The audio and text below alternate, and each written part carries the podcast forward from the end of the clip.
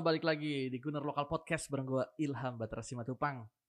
Udah hampir tiga minggu apa ya? Dua minggu gue nggak ngetek podcast karena kemarin tuh abis match lawan eh sebelum lawan Brentford itu kan kita berkabung ya nggak berkabung terus gue milih ah udahlah nggak usah lah uh, uh, bikin podcast lanjut aja nanti habis match lawan Brentford eh lawan Brentford gue rada sibuk jadi gue baru bisa bikin podcast episode terbaru ini habis uh, North London Derby lawan Spurs dua hari yang lalu hari Sabtu. Wah gila sih, gila banget. Itu match, jujur North London Derby itu match yang paling gue tunggu-tunggu di paruh musim pertama ini karena pertama gue masih gak terima ya kita kalah 3-0 di akhir musim lalu ya perebutan posisi 4.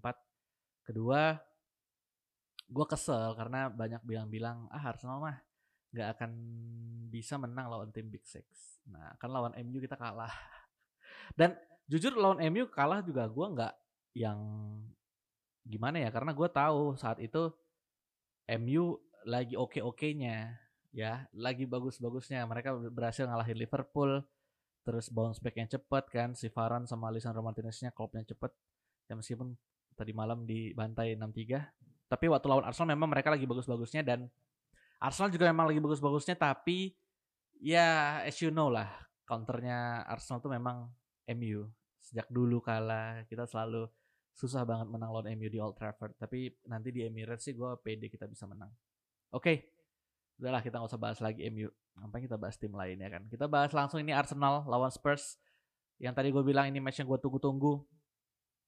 Dan akhirnya kita bisa menang 3-1 man gue dari awal pertandingan aja gue udah udah yang apa ya excited banget cuy excited banget excited parah gue lu ingat gak waktu kick off langsung ada peluangnya gue nggak tahu gue lupa ya itu peluang apa enggak tapi yang si Gabriel Jesus tuh ngedami dua backnya Spurs cuy. Wah gila itu pertama langsung anjing oke okay, oke okay, gue udah tahu nih berarti Arsenal bukan bukan mau bertahan di sini. Mereka willing to win dan mau untuk selalu menyerang. Dan terbukti cuy menit 18 meskipun setelah dibombardir gue 10 menit pertama tuh kita dominan banget. Bahkan sampai golnya party kita dominan banget. Bahkan sampai men sepanjang pertandingan sebenarnya kita dominan. Kita dominan cuman memang karena Spurs ya lu tau lah Spurs kan kalau lawan tim yang uh, ya kayak City itu tim gede lah tim yang menurut mereka kelasnya itu nggak di bawah mereka. Mereka pasti main bertahan dengan ngandelin counter attack ya. Ngandelin counter attack. Dan terbukti kemarin mereka pasang formasi 3 back 5-4-1 ya. 5-4-1 di depan itu Kane kiri kanannya Son sama Richard Richarlison cuman ya men lu mau kayak gitu lawan Arteta mah sorry banget cuy udah nggak bisa lagi ya. Ini udah beda Arsenal ini udah beda. Gue inget eh uh, gue selalu bilang di watch party kemarin yang jadi titik lemah dari Spurs kemarin adalah Richard Leeson. Richard Leeson sama Emerson berarti di bagian kanan. Mereka kan selalu dieksploit uh, si Emerson selalu dieksploit sama Martinelli. Beberapa kali Martinelli berhasil ngelewatin Emerson meskipun di tengah langsung di stop ya karena memang mereka pasang tiga back tengah. Dan Richard Leeson kenapa gue bilang titik lemah? Beberapa kali ketika back Spurs berhasil stop serangan Arsenal, bola tuh diumpan ke Richard Leeson. Nah, Richard Leeson ini nih mungkin karena memang dia nggak terbiasa bermain itu carry bola dari dari tengah ya. Biasanya kan dia memang tipe striker yang di depan ya, target man.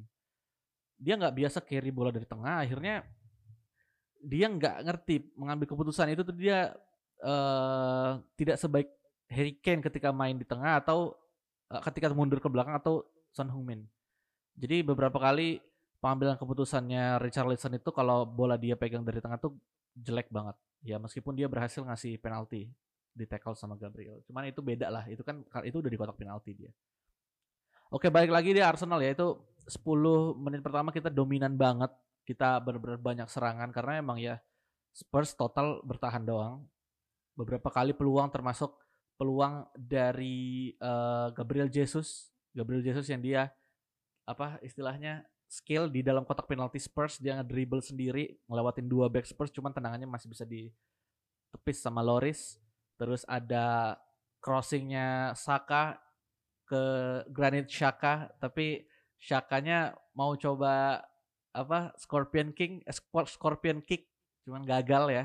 Sampai akhirnya gol party terjadi. Itu gol party itu kalau nggak salah tuh sebelum golnya terjadi itu tuh ada total 20 apa ya 20 apa 30 ada ada apa 25 gue lupa. Itu 20 passing 20 umpan dari belakang ke depan. Switch play juga ini yang gue menarik dari Arsenal lah. Mereka sekarang tuh uh, sering banget bikin uh, switch play. Jadi ketika bola ada di kanan dan pemain semua pemain lawan tuh udah semua ketarik di kanan langsung switch play cepet.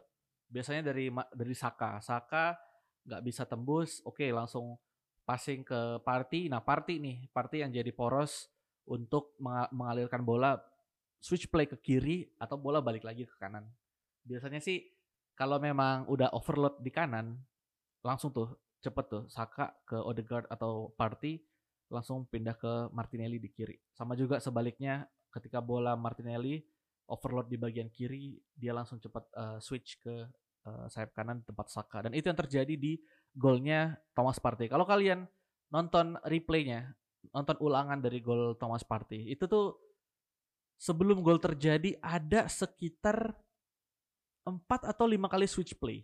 Ya switch playnya itu Saka tiga kali, Martinelli dua kali. Jadi um, yang ketiga switch play yang ketiga itu Ernest Saka bisa kasih umpan ke Ben White Ben White assist ke Thomas Partey nah ini memang nunjukin main opsi serangan dari opsi serangan Arsenal tuh udah banyak banget sekarang.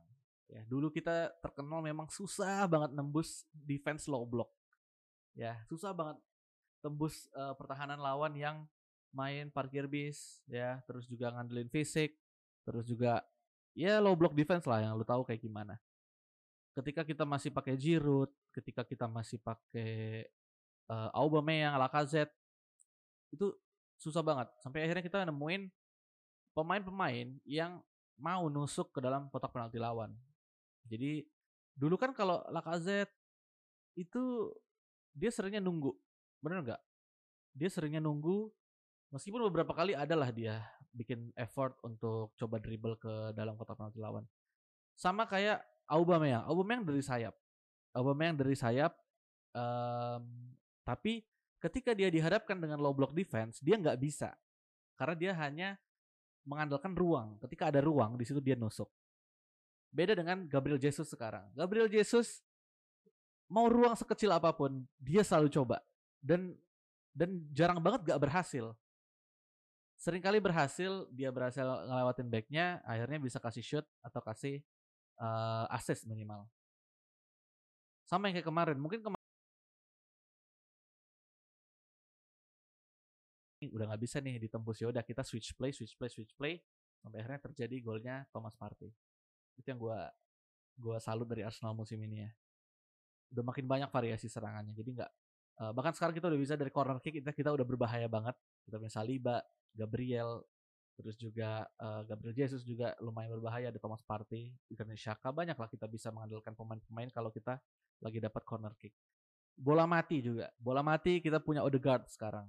Ya, Odegaard, Granit Xhaka juga biasanya bisa nyetak gol dari uh, tendangan bebas.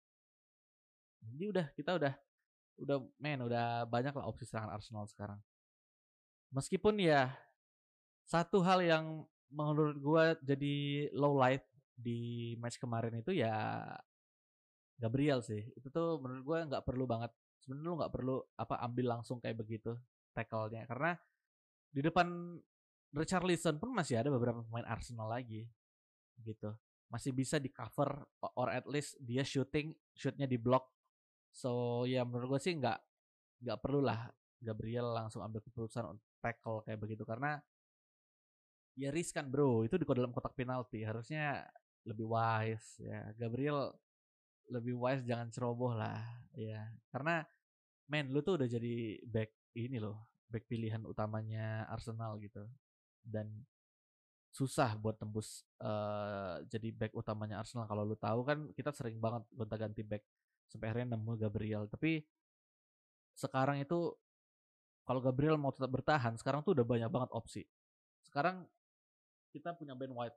Ben White memang masih dimainkan di posisi sayap sayap kanan. Teman ya kalau Gabriel masih kayak begini juga, performanya bukan nggak mungkin. Yang dipasangkan jadi back tengah itu Ben White dan Saliba. Oke. Okay? Jadi ya gue pasti tahu lah kalian tuh pasti setuju lah ini Gabriel ini memang gimana ya?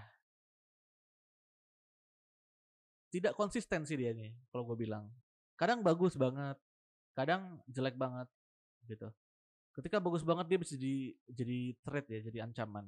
Apalagi kalau corner kick dia punya kekuatan di sana, dia punya kekuatan di heading dan positioning juga jumping juga dia juga dia oke. Okay. Tapi itu tadi pengambilan keputusan terus juga sering banget nggak bisa kontrol emosi terus juga ceroboh sih kalau gue bilang ceroboh banget cara defense-nya dia ceroboh. Tapi nggak seceroboh ketika kita sama David Luiz or Mustafi ya. Gabriel nih karena mungkin udah partner dengan Ben White yang lebih kalem lebih flamboyan atau Saliba juga sekarang ya yang lebih bahkan gue bilang lebih mature mainnya lebih tenang juga. Gabriel di sini malah menurut gue jadi back Arsenal yang paling rendah nilainya buat gue dan itu kejadian lagi kemarin ya meskipun kita oke okay lah kita cuma kebobolan satu gitu. Cuman ya kalau ini tetap terjadi sih I'm sorry Gabriel mungkin lu harus segera pindah gitu lah. Tapi ya udahlah ya um, pasti Arteta juga jadikan ini catatan dan gue yakin Gabriel ini udah beberapa kali kan bikin kesalahan. Jadi nggak mungkin dibiarin sama Arteta. Dan satu lagi catatan gue juga pernah bilang kalau gue tuh pengen banget ngelihat duet Saliba sama Ben White di pertahanannya Arsenal. Saliba sama Ben White. Ini menurut gue sih dua apa ini kombinasi yang bagus banget di defense-nya Arsenal. Jadi back tengahnya Ben White Saliba back kanannya balik lagi Tomiyasu back kirinya Zinchenko. It's okay. Cuman mungkin ini kali ya kenapa ini nggak kejadian? Karena si Tomiyasu mungkin nggak setenang Ben White ketika dia keep bola lama.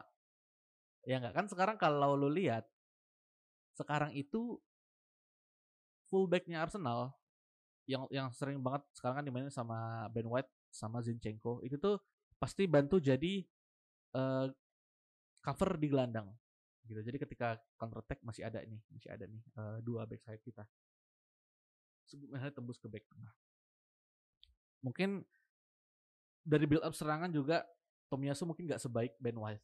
Itu yang gue nggak nggak ngerti sih kenapa Tomiyasu jadi masih jadi cadangan sekarang. Karena kan dia udah sembuh jadi cederanya dan ya nggak ada masalah juga kalau dia dimainin. Musim lalu dia juga salah satu pemain terbaik menurut gue. Dan ya itu dari itu di masalah gol kedua ya akhirnya jadi penalti dan ya Harry Kane you know lah Harry Kane salah satu take, uh, penalti taker terbaik di dunia. Jarang banget gue lihat dia miss penalti. Susah lah dia memang presnya di situ. Cuman yang jadi catatan adalah balik lagi nih Arsenal bounce backnya cepet banget. Bounce back yang cepet banget. Babak kedua baru berapa menit cuy? Bahkan belum menit 50 belum menit 50 menit 48 apa 49 itu Arsenal langsung bisa nyetak gol kedua dan mungkin banyak yang bilang kalau gol dari Gabriel Jesus itu karena kesalahannya si Yoris yang bolanya lepas dari uh, pegangan dia. Tapi kalau gue lihat dari sisi gue adalah work rate terus juga press, press pressure dari Gabriel Jesus yang bikin gol ini bisa terjadi juga. Lu bayangin kalau kalau ada striker yang pressing terus juga work rate-nya nggak sebaik Gabriel Jesus saat itu di pertandingan itu, mungkin dia akan ngebiarin aja udah. Oh udah tendangan oke okay, uh, eh, si Saka cut in terus di shoot sama dia ditepis sama Yoris udah pasti dia nggak akan press sedalam itu si Romero nya ya kan sebenarnya kalau lu lihat setelah ditepis setelah ditepis sama Yoris bolanya mantul ke Romero Romero itu kalau misalnya nggak di press dia pasti bisa balik badan langsung shoot ke depan shoot ke depan cuma karena dia di press sama Gabriel Jesus dia kebingungan, dia mungkin panik, dia umpan lagi ke belakang. Jadi dia ngetap ngetap in lagi ke Yoris. Ya Yoris juga kaget akhirnya. Nah, di sini yang gue lihat work rate dari Gabriel Jesus yang bikin gol ini juga bisa terjadi. Gitu. Jadi kalau kalau gue sih gue nggak setuju kalau bilang gol itu murni kesalahannya Yoris, blundernya Yoris enggak. Enggak, malah Yoris bagus lah dia bisa save. tendangannya si Saka. Tapi ketika ada bola pantulan lagi dari si Romero, di situ mungkin dia nggak siap gitu karena kan posisi dia masih tiduran. Pasti dia kaget di situ dan akhirnya di press terus sama Gabriel Jesus. Itu di pressnya sih parah sih. Lu tau lah Romero badannya gede ya. Posturnya juga besar untuk ukuran back. Tapi Gabriel Jesus masih bisa press press press bolanya lepas ditendang sama dia ini yang bikin beda Gabriel Jesus dengan striker-striker Arsenal yang lainnya. Dan ini yang bikin gua happy banget lihat main ini kayaknya Jesus ini adalah striker yang ditakdirkan untuk Arsenal gitu. pressing pressingnya ini yang menurut gua wah gila ini ini striker beda nih. Karena nggak banyak loh striker yang mau untuk ngepress kayak gini. Dan memang gaya main Jesus yang kayak begini tuh udah di notice sama Pep Guardiola waktu di City.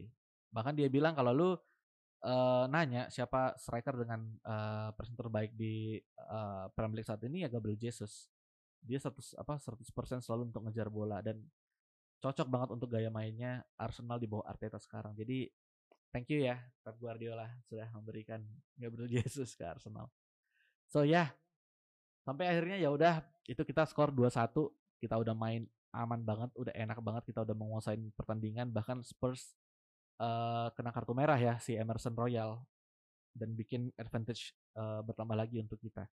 Yang gue soroti juga adalah ketika si Emerson kartu merah, Conte malah masukin tiga back atau tiga pemain bertahan. Yang gue inget tuh dia masukin Sesenyon, dia masukin si, aduh siapa lagi tuh namanya?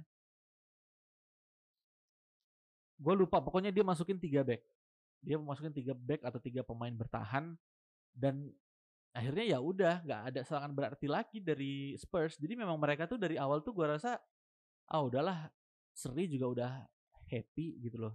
Ini nih yang bikin Spurs nggak akan bisa lebih besar daripada Arsenal jadi dari gaya mainnya ngelawan kita aja mereka masih kayak gitu cuy. Gua kalau jadi Conte ya lu gua gue punya Son, gue punya Harry Kane, gue punya Richard Richarlison, Lucas Moura, bahkan masih ada Kulusevski bro. Men itu lu main counter attack cuma ngandelin counter attack selama 90 menit sih sayang banget sih. Ya. Oke okay lah, itu filosofinya Conte. Itu filosofi Conte dia udah main kayak begitu dari Chelsea, Juventus selalu selalu sukses.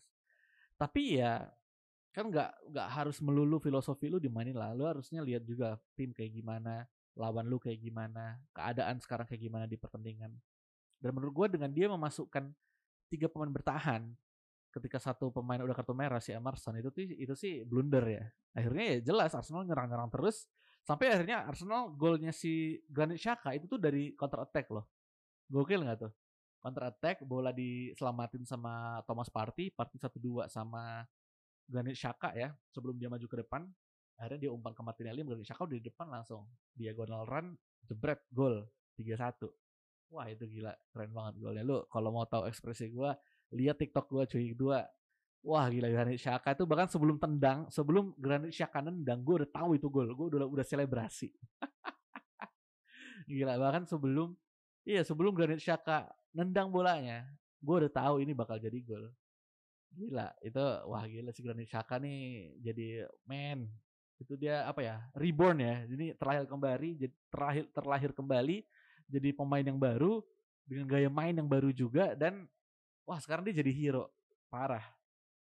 Kemarin dia juga man of the match kan lawan Spurs. Wah gila seru banget sih, seru banget.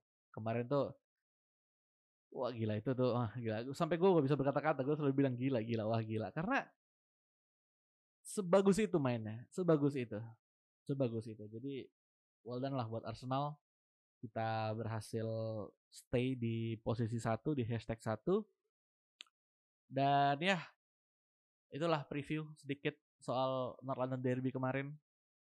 Tapi memang ya seperti yang kalian tahu ya, uh, setelah match Arsenal besoknya langsung ada berita duka. Jadi berita duka di Kanjuruhan Malang itu besoknya tuh langsung kayak waduh kayak hambar cuy. Bukan rencana tuh oke okay, hari minggu langsung take podcast ah langsung bikin konten banyak lah buat merayakan kemenangan. Tapi setelah bangun sebenarnya kan kerusuhannya udah tadi udah dari malam. Cuman dari malam tuh yang men, yang meninggal tuh belum banyak. Gue langsung tinggal tidur bangun-bangun cuy. Yang meninggal langsung 100 lebih. Wah itu gila. Gue langsung males mau ngapa-ngapain. Langsung bukan be, ya bete lah ya. Jadi kayak gak enak gitu loh. Perasaan tuh hambar banget jadinya. Jadi udahlah. Akhirnya perasaan menang itu tuh kayak cuman udahlah sementara doang. Sedih banget rasanya cuy.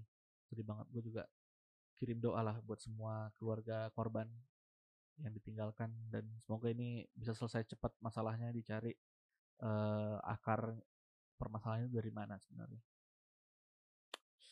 Oke, okay. ya lanjut. Tadi malam juga ada Manchester Derby. Manchester City lawan MU.